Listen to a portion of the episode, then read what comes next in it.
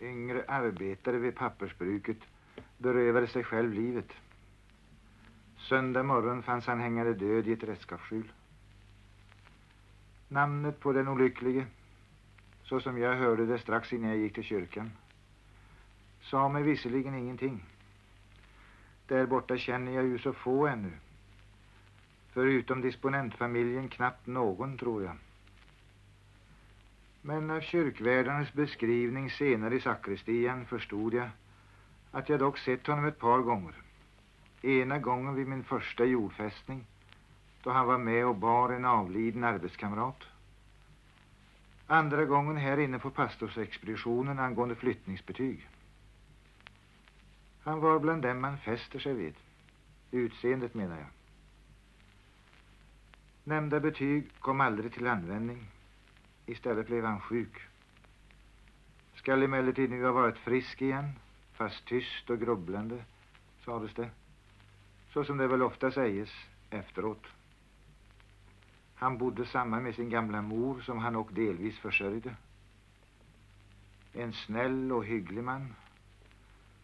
Och det var ju gott att höra. Däremot erfor jag med smärta att han varit kommunist. Om än ej av det mest agitatoriska. Det blir fler och fler vid bruket.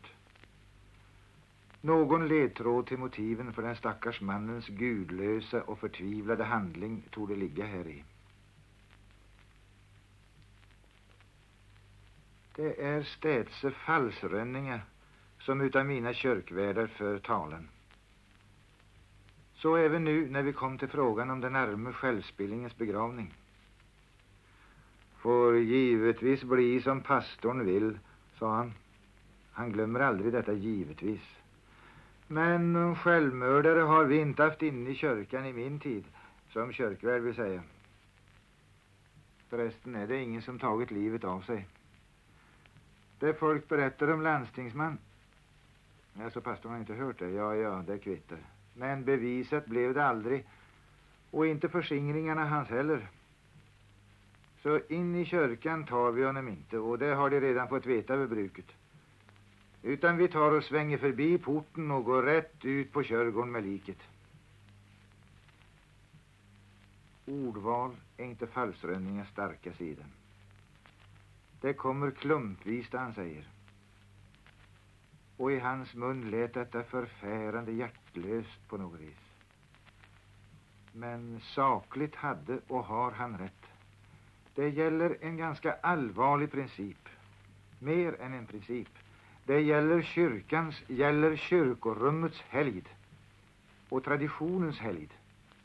Om också falsrönningar i nästa andetag ofrivilligt konstaterade att den undergått vissa förändringar även i hans bygd. För länge sedan. Så länge sedan att jag var barn då. En mätande gest ner mot sakristigolvet för att visa hur liten han varit. Och det verkar otroligt eftersom det avsåg att gälla falsrönningar. Så minns jag att en dräng gick och hängde sig. Och han togs inte ens den vanliga vägen in på körgården utan det lyfte dem över muren på den tiden en rent frös när en såg det.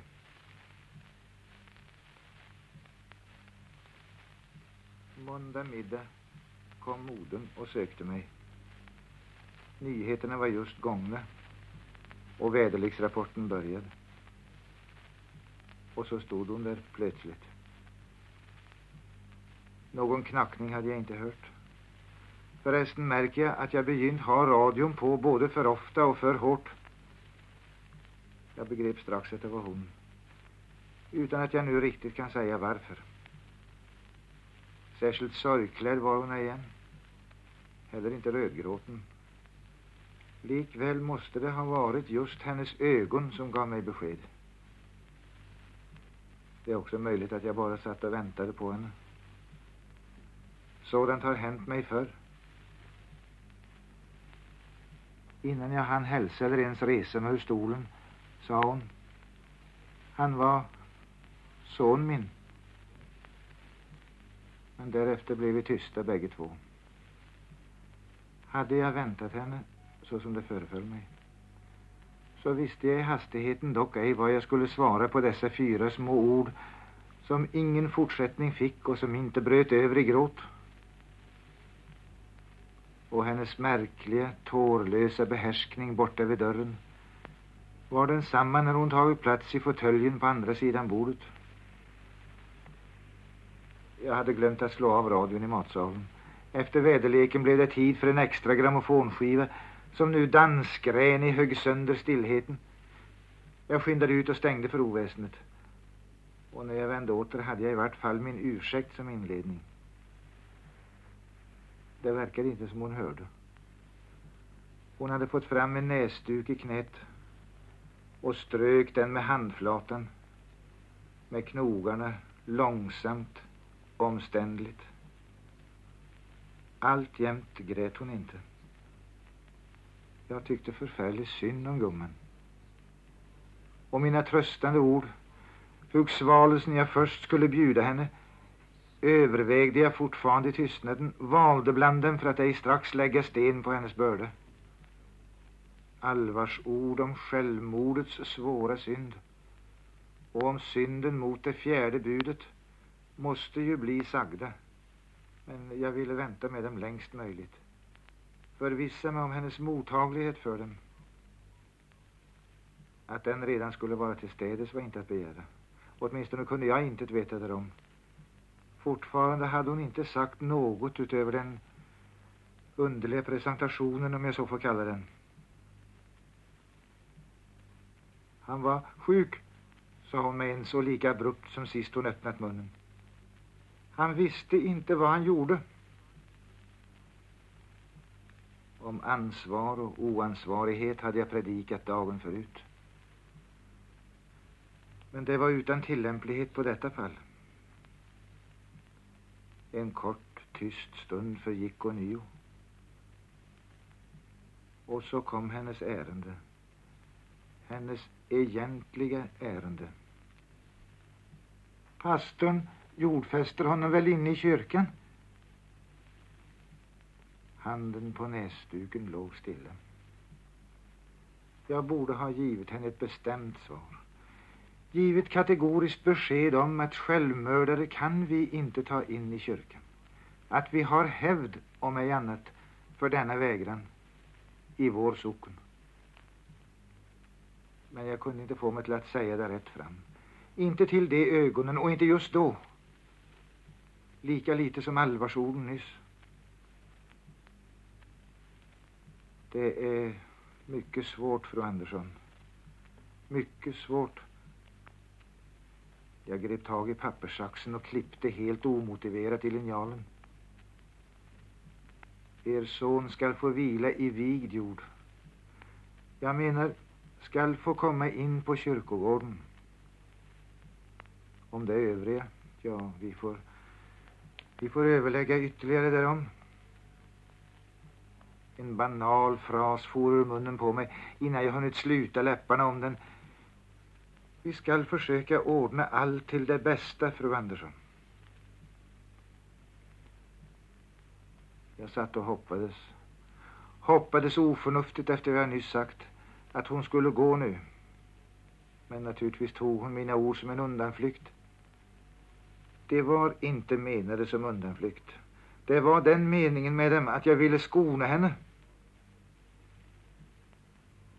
Han var så snäll, sa hon. Han gjorde mig aldrig något ont. Där blev jag ju tvungen att milt men allvarligt visa henne till rätta. Hennes ord ledde mig äntligen direkt och osökt in på det som jag min plikt likmätigt måste tala om, som jag blott velat uppskjuta. Så får vi inte säga, fru Andersson. Allt detta som skett har dock skett mot fjärde budet. Det får vi inte glömma. Ty först att låta sig dragas med av vanhedrande irrläror, att aldrig söka kyrkans vägledning och komma så långt bort från sin barnatro, svika sitt konfirmationslöfte. Hon bara såg på mig, som om jag talat till någon annan, om någon annan. Han var så snäll, sa hon igen. Även resten blev en upprepning. Han gjorde mig aldrig något ont. När jag omsider fick iväg henne. Hon tackade nej till kaffe. Hade hon hända hämtat en överdriven förhoppning ur de ord jag i fortsättningen lagt till. Det var inte, tyckte jag själv, så mycket annorlunda än de föregående det heller. Men ett hopp kan ju livnära sig på snart sagt ingenting. De har från gamla kyrkoherdens tid vanan, eller, eller ovanan rättare, att umgås per telefon med prästgården. Han lär ha tyckt det blev så tyst sen han varit enkeman att han för den skulle övertog växelstationen och installerade den hos sig. Människorna lekamligen skydde han, ville inte ha dem hit. Men totalt ensam förmådde han ej heller vara. Tvärtom satt han dagarna i ända och språkade med abonnenterna. Nu är växeln tillbaka i sockenstugan. Blott en vanlig apparat pinglar. Allt mera sällan. Jag strävar och inpräntar i dem att pastorsexpeditionen ej låter sköta sig telefonledes.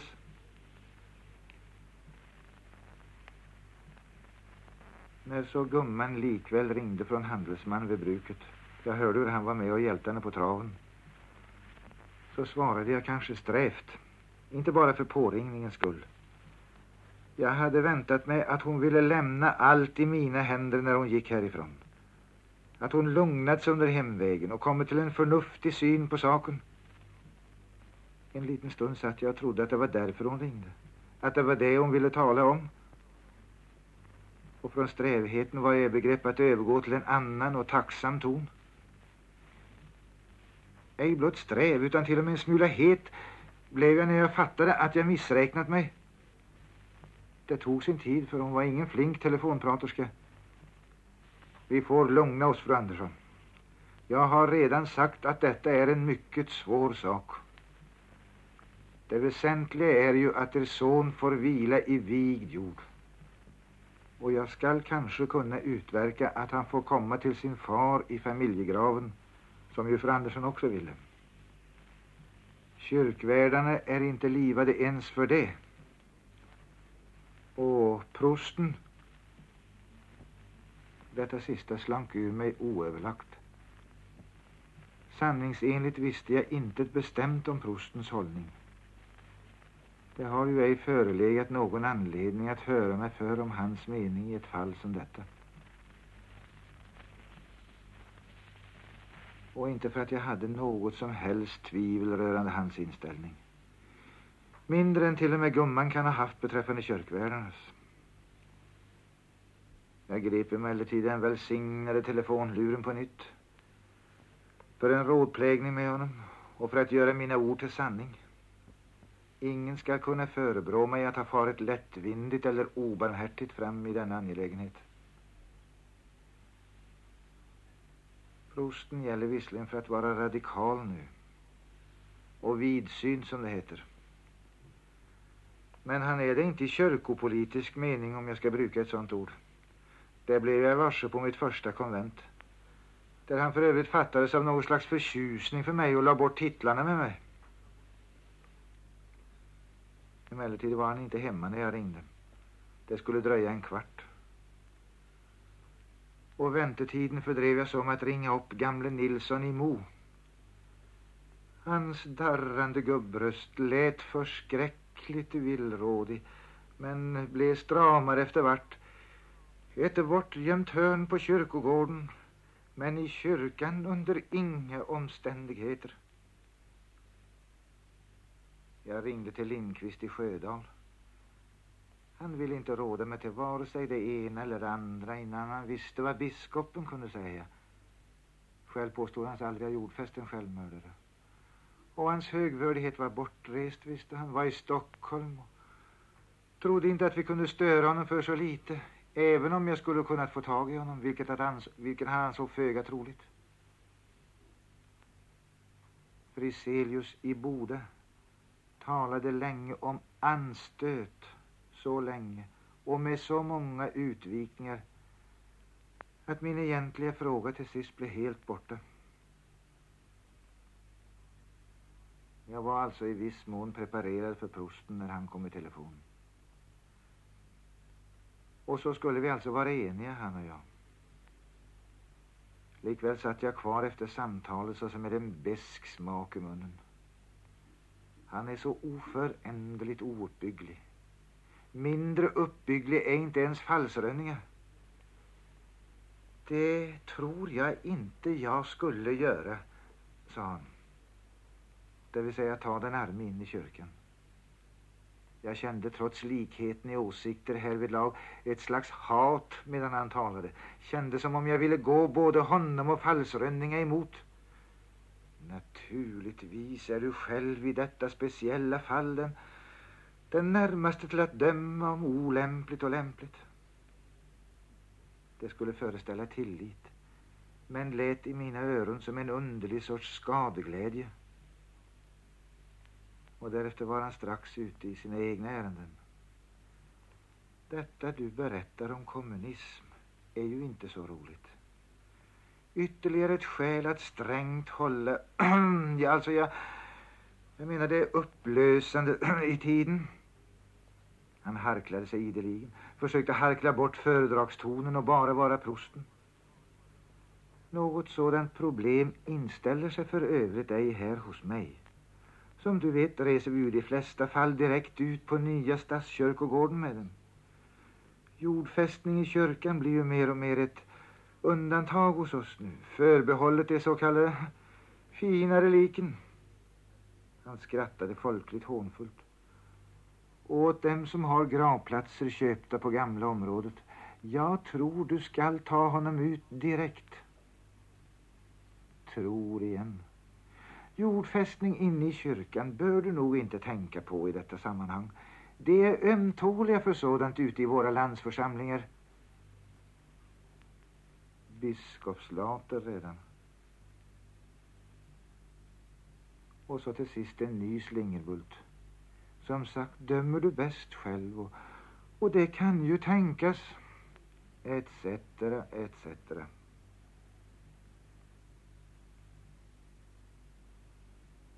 Efter två dagar ringde hon för andra gången. Och tålmodigt hörde jag på henne. Att försöka återföra henne till ordningen skulle inte ha tjänat någonting till. Och dels bor ju den arma kvinnan ganska långt borta från prästgården, det måste jag rättvisligen erkänna.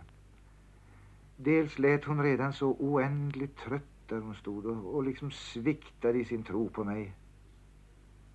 Eller jag vet egentligen inte hur jag tydligast ska återge det. Det var nu som förra gången som om det stundvis inte var mig hon talade med. Som om hon inte ville tro att det var jag som bestämde. Att det hon nu tycker är ont, det har jag ingen del i. Det är inte min skull. Ty jag vill som hon vill. Motsatsen, det vill säga att jag inte tar in honom i kyrkan. Ja, det skulle vara något så förfärligt att det kan hon inte fatta. Helt simpelt inte fatta. Nu har jag talat med prosten igen, svarade jag henne. Gud förlåter mig detta igen. Nu har jag talat med honom. Och han säger att självmördare... Längre kom jag inte. Nej! skrek hon i telefon. Nej! Denna gång skrek hon. Och jag tror aldrig jag hört någon människa skrika på det sättet. Det var hemskt att höra. Sen sa jag på nytt och som vanligt. Och det var måhända inte så alldeles klokt just då. Det är inte i telefon vi ska tala om detta, fru Andersson. Och så får vi nog låta... Jag hörde att hon blev borta. Jag satt och ropade hallå en ganska lång stund. Men inget svar. Hon hade lagt på luren och gått sin väg, kunde jag förstå. Och gett sig av hit, för här var hon en timme senare. Kanske lite mer än en timme. Men det är nära en halv mil och dålig väg. Så det var tappert marscherat i alla fall. Och om det nu var det att hon gått sig alldeles uttröttad. eller om det var sorgen. Naturligtvis var det bäggedera. Hur som helst, hon orkade inte stort mer, det såg jag. Eljest hade väl meningen med denna vandring varit att det hon inte fått fram i telefon, det skulle jag få höra nu. Om obarmhärtighet och sådant. Det var jag förberedd på alltså när jag fick syn på henne genom matsalsfönstret vid radion. Och beredd på att ånyo tala henne till rätta. Men det är i själva verket en ganska konstig gumma. Varken med ord eller blick förebrådde hon med någonting. Ej heller sedan hon hämtat sig och vilat ut. Jag bad henne göra det. Jag vet inte hur hennes son var. Han ska ju inte ha stormat fram med sina erläror. Skall ha varit ganska tyst och stillfarandes av sig. Inte blott som inledning till självmordet utan, utan även därförut. Ska jag säga som det är så är gumman sympatisk. Hon satt och såg på mig som om jag, när allt kom omkring, nog sörjde hennes son jag också. Hela denna tid sa hon ingenting. Och så bröt ej heller jag tystnaden. Det vill säga vad beträffade det huvudsakliga ämnet. Istället försökte jag nu visa henne på det högtidliga som, som kanske ändå kunde komma till stånd. Om samlingen i sorgehuset om morgonen. Jag har ju hört att er son skall ha varit omtyckt. Det vill jag så gärna tro att han varit. Och måtte det få vara oss en tröst. Fast svårligen kunde jag föreställa mig denna samling i sorgehuset som jag satt och talade om och som helt säkert skulle bli så olika mot vad den plägar och bör vara. En uppbyggelsens stund. Det kommer åtskilliga grannar och kamrater skulle jag tro. Det vill det nog så vid pappersbruket. Och hur det nu är så värmer och tröstar deltagande. Värmer kanske alldeles särskilt i ett fall som detta. Ty det onda undantaget måste ju framhäva så snart vi närmade oss sakens kärna igen. De har sagt att de kommer, svarade hon. Jag har inte bjudit dem. Det kunde jag inte så som detta blev. Men de har varit hemma med mat och annat som behövs. Och de har talat om vilka som ska bära honom och att det blir sångkör och standard har de sagt. De tror allihopa att vi får komma in i kyrkan med honom. Så var hon där igen. Och det verkade denna gång ren påtryckning tyckte jag. Det tror och tror, avbröt jag henne. Men finns det då en enda ibland dem som verkligen har tänkt igenom vart det skulle föra hän om man bara, rätt emot Guds befallning, kunde gå och ta livet av sig och så...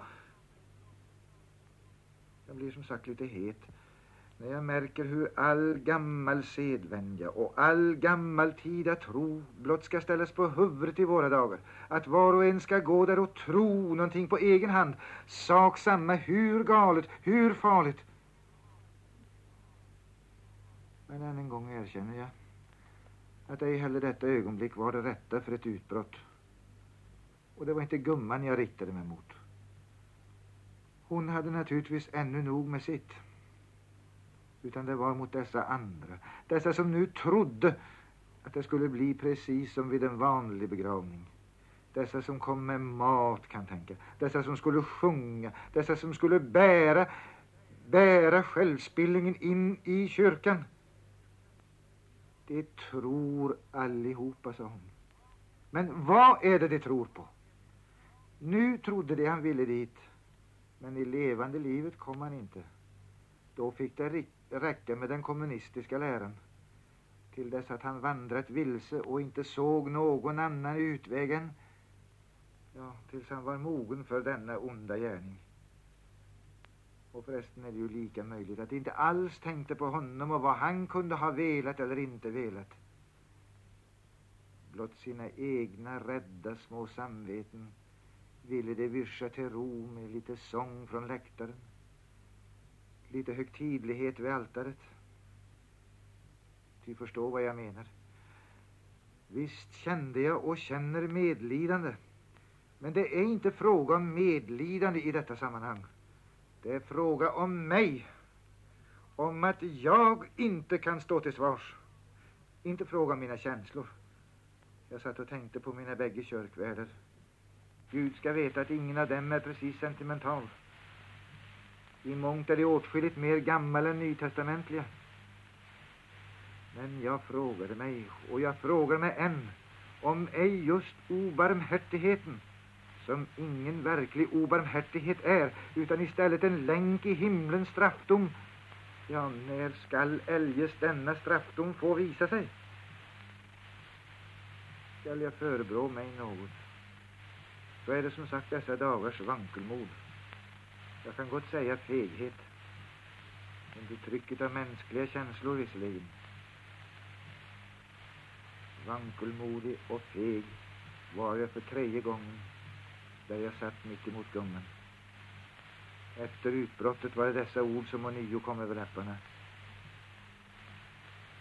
Tro inte att jag vill lägga sten på börda, fru Andersson. Tro inte det. Vi ska sträcka oss så långt som samvetet ger oss lov, fru Andersson. Jag förstår ju så väl. Men naturligtvis skedde det också ånyo att hon la in så alldeles för mycket och annat i dessa mina ord om samvetet. När hon gått satt jag länge och tänkte på hur tröstad hon sett ut jämfört med de föregående gångerna.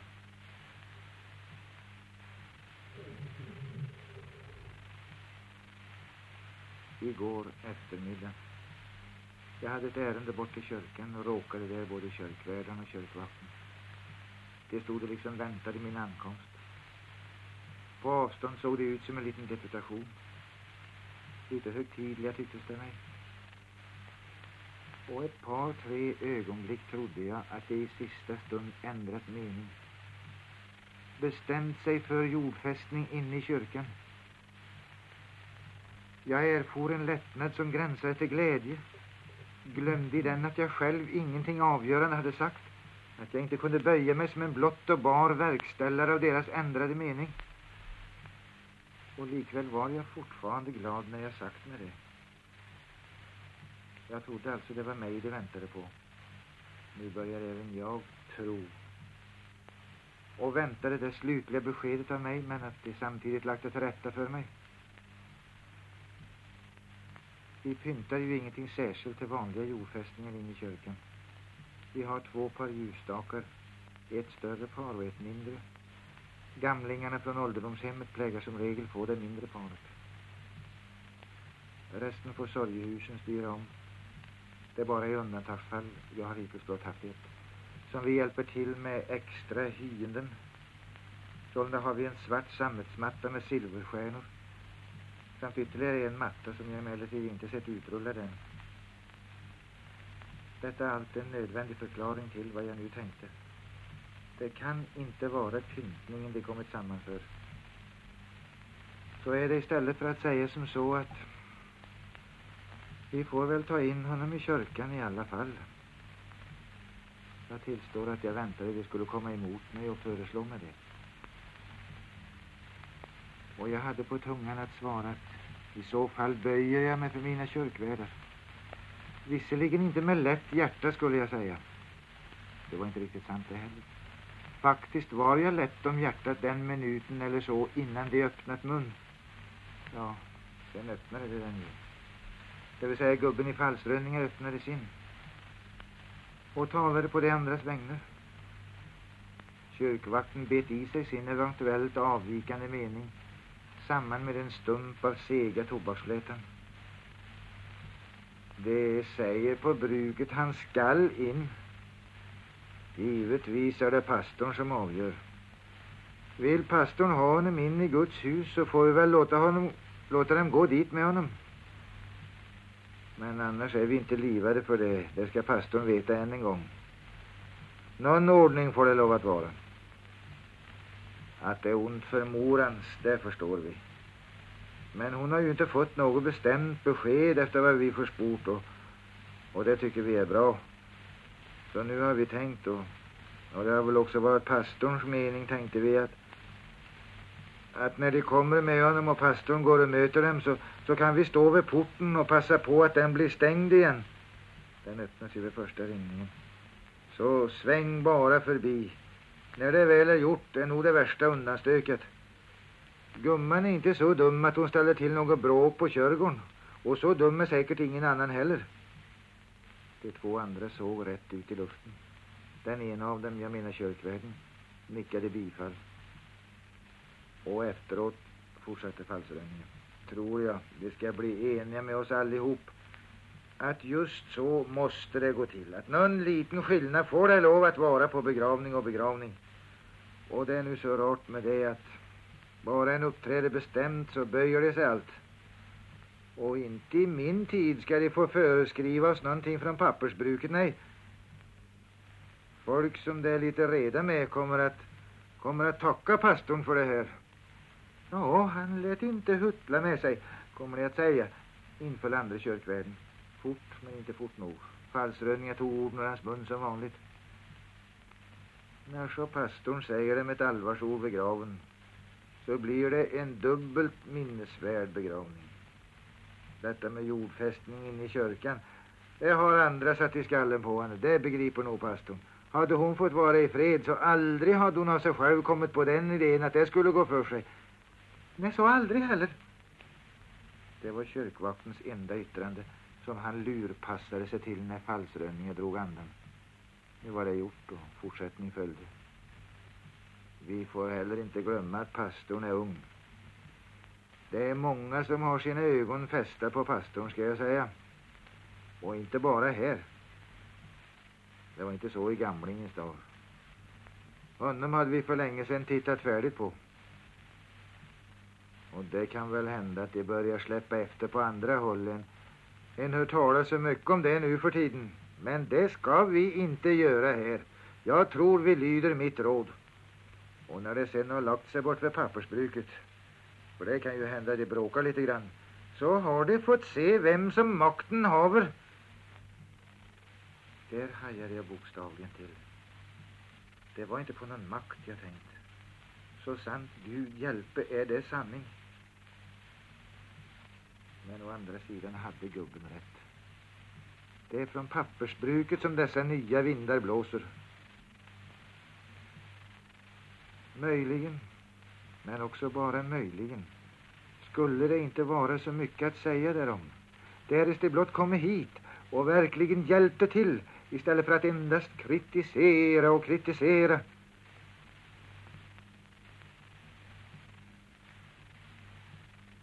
Sture Petersen ringde när jag kom hem.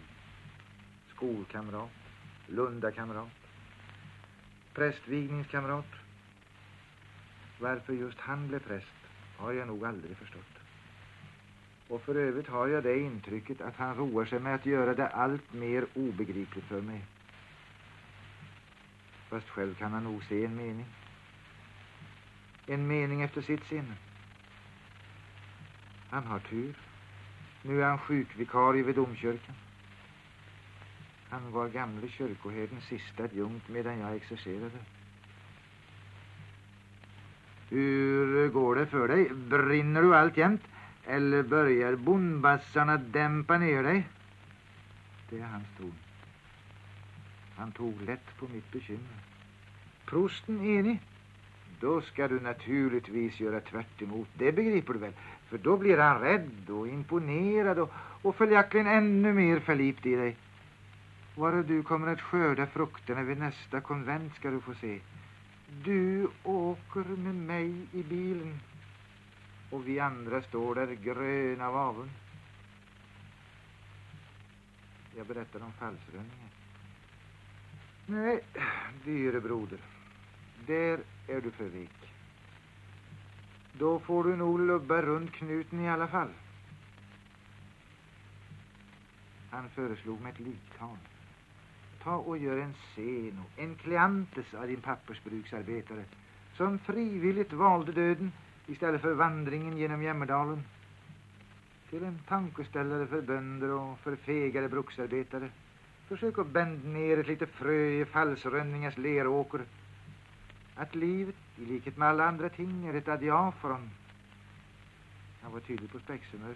Apropå adiafora så har de installerat WC i sakristian här denna vecka. Domprosten och jag ska inviga det imorgon. Det är andra donen upp hos dig. Har jag berättat för att gamlingen hade ett nattkärl i skrubben bakom altaret? Emaljerat. Han blev för det mesta kvar i sakristian efter predikan och lät mig ta altartjänsten. Och när jag stod och läste bönerna hörde jag hur han kom hasande på andra sidan väggen och drog fram potten. Emaljerade plåten vren mot de blankslipade golvspikarna där inne.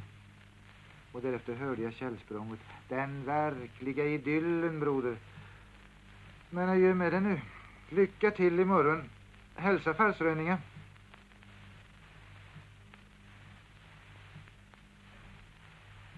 Och så är jag då framme vid denna söndagsmorgon. Jag hade sovit gott. Men jag vaknade naturligtvis med samma ena tanke som nu i en hel vecka ställt sig sida om sida med alla andra tankar i mitt huvud. Klenmodighetens tanke och vankelmodets. Den vek ej ifrån mig när jag var på väg till kyrkan. Den följde mig in på kyrkogården. Jag kom förbi den nyöppnade graven. Den var lika prydlig som de andra plägar vara.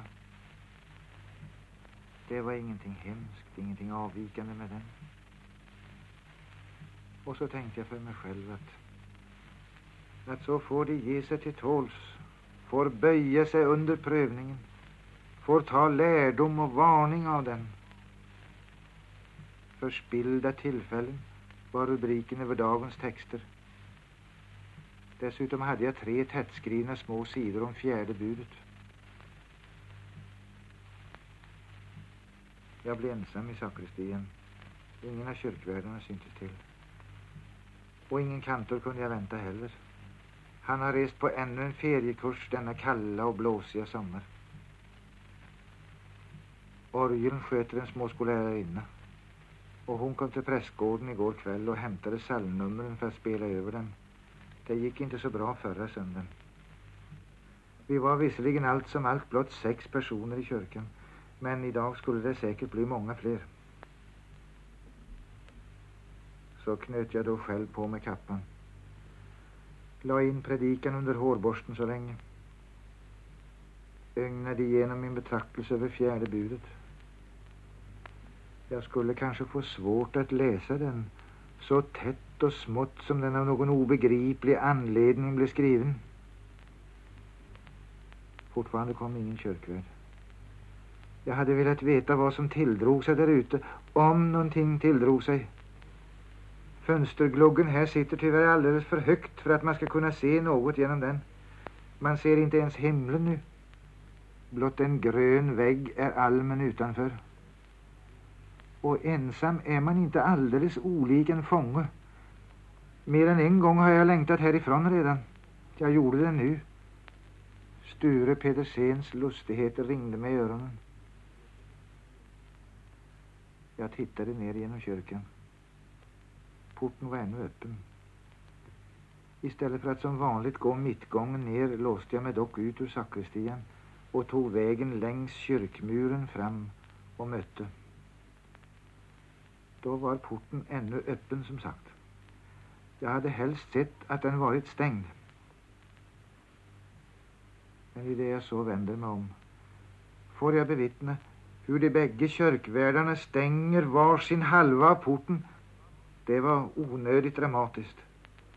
Och med ordet dramatiskt stod plötsligt för mig bilden av Söderblom som jag har hemma på väggen. Där han med staven stöter mot den stängda kyrkdörren, myndig, segerviss. Det har alltid tyckts mig en upplyftande och manande bild. Och visserligen gällde det ju nu bara den fattiga tillslutna porten här och gällde en helt annan sak. Men ändå hade jag en liten stund i tankarna att göra tecken till kyrkvärdarna. Öppna porten! En liten stund den tanken att vi skall inte svänga förbi. Vi skall gå rakt fram och in i kyrkan. Så var alltså porten stängd. Och jag visste ju så väl varför. Och så svängde jag och gick sen några sekunder och lyssnade. Undrande om jag verkligen hade de andra med mig. De sörjande. Jag hade hälsat på dem. På gumman och på en fet medelålders man som i förstone verkade amerikan på något vis. Det blev en glanslös begravning. Inte särskilt trist, det, det är inte det jag menar. Utan rätt och slätt glanslös. Det extra allvarsordet jag skulle säga från de tre tättskrivna små lapparna förläntes ingen kraft. Jag hörde själv hur matt det tonade där jag stod och var rädd för att jag inte skulle kunna läsa riktigt de hopkrupna orden. Jag kunde läsa dem, men intet av dem steg och blev förkunnelse, kom blott ner igen och klämde sig ut efter jorden. Gumman grät inte, inte mycket i alla fall. Ingen grät. Det var bara buttert allt samman skulle jag kunna säga. Buttert och, och glanslöst just. Men nu hände detta. Den där fete som jag tyckte såg ut som en amerikan gick ifatt mig när jag återvände till sakristian. Han var bror till självspelningen, sa han, och var från Malmö. Han gick bredvid mig ända till sakristidörren och skällde på mig. Kallade mig en hel hop fula namn. Han skulle anmäla mig, sa han. Jag svarade honom ingenting. Förmodligen var han någon sorts kommunist han också fast tydligtvis av finare slag än brodern. Var väldigt elegant och fet och välmående som jag nämnde. Lite barnsligt obalanserad i sitt uttryckssätt, skulle jag vilja säga. Och tycktes inte riktigt begripa var han befann sig, nämligen på kyrkogården. Jag svarade honom hela tiden ingenting. Jag hade ett slag på läpparna, ett ord som jag dock förstod skulle ha verkat hädiskt i sammanhanget. Se din moder, skulle jag ha sagt. Se din broder och var så lagom högmodig. Inte förrän vi var helt framme vid sakristidörren sa jag. Jaså, han är från Malmö. Från en stor stad alltså. Det kan man inte märka på manerna. Han hade väl blivit ändå mer rasande om han gett sig tid att verkligen höra på mig. Men han fäste sig bara vid detta om Malmö och den stora staden. Han föll mig i talet och begynte svära. Ja, det kan pastorn ge sig djävulen på. Att där finns det möjligheter. Jag ska få tag i en advokat och sen så ska vi se hur det går för pastorn. Det var ju likaledes barnsligt. Varför jag blott lyfte på hatten och så artigt som möjligt sa adjö. Jag hade nästan väntat att han skulle komma efter mig in i sakristian och, och fortsätta där, men det gjorde han inte. Ej heller hörde jag av honom när högmässan var förbi. Underligt nog stannade begravningsföljet som alla andra begravningsföljen kvar över gudstjänsten. Jag gick emellertid inte ut till graven igen, som jag ju eljest plägar göra. Jag höll mig inne till dess att alla steg dött bort på grusgångarna utanför. Sedan vandrade jag ensam hem. Jag går för övrigt nästan alltid ensam hem från kyrkan.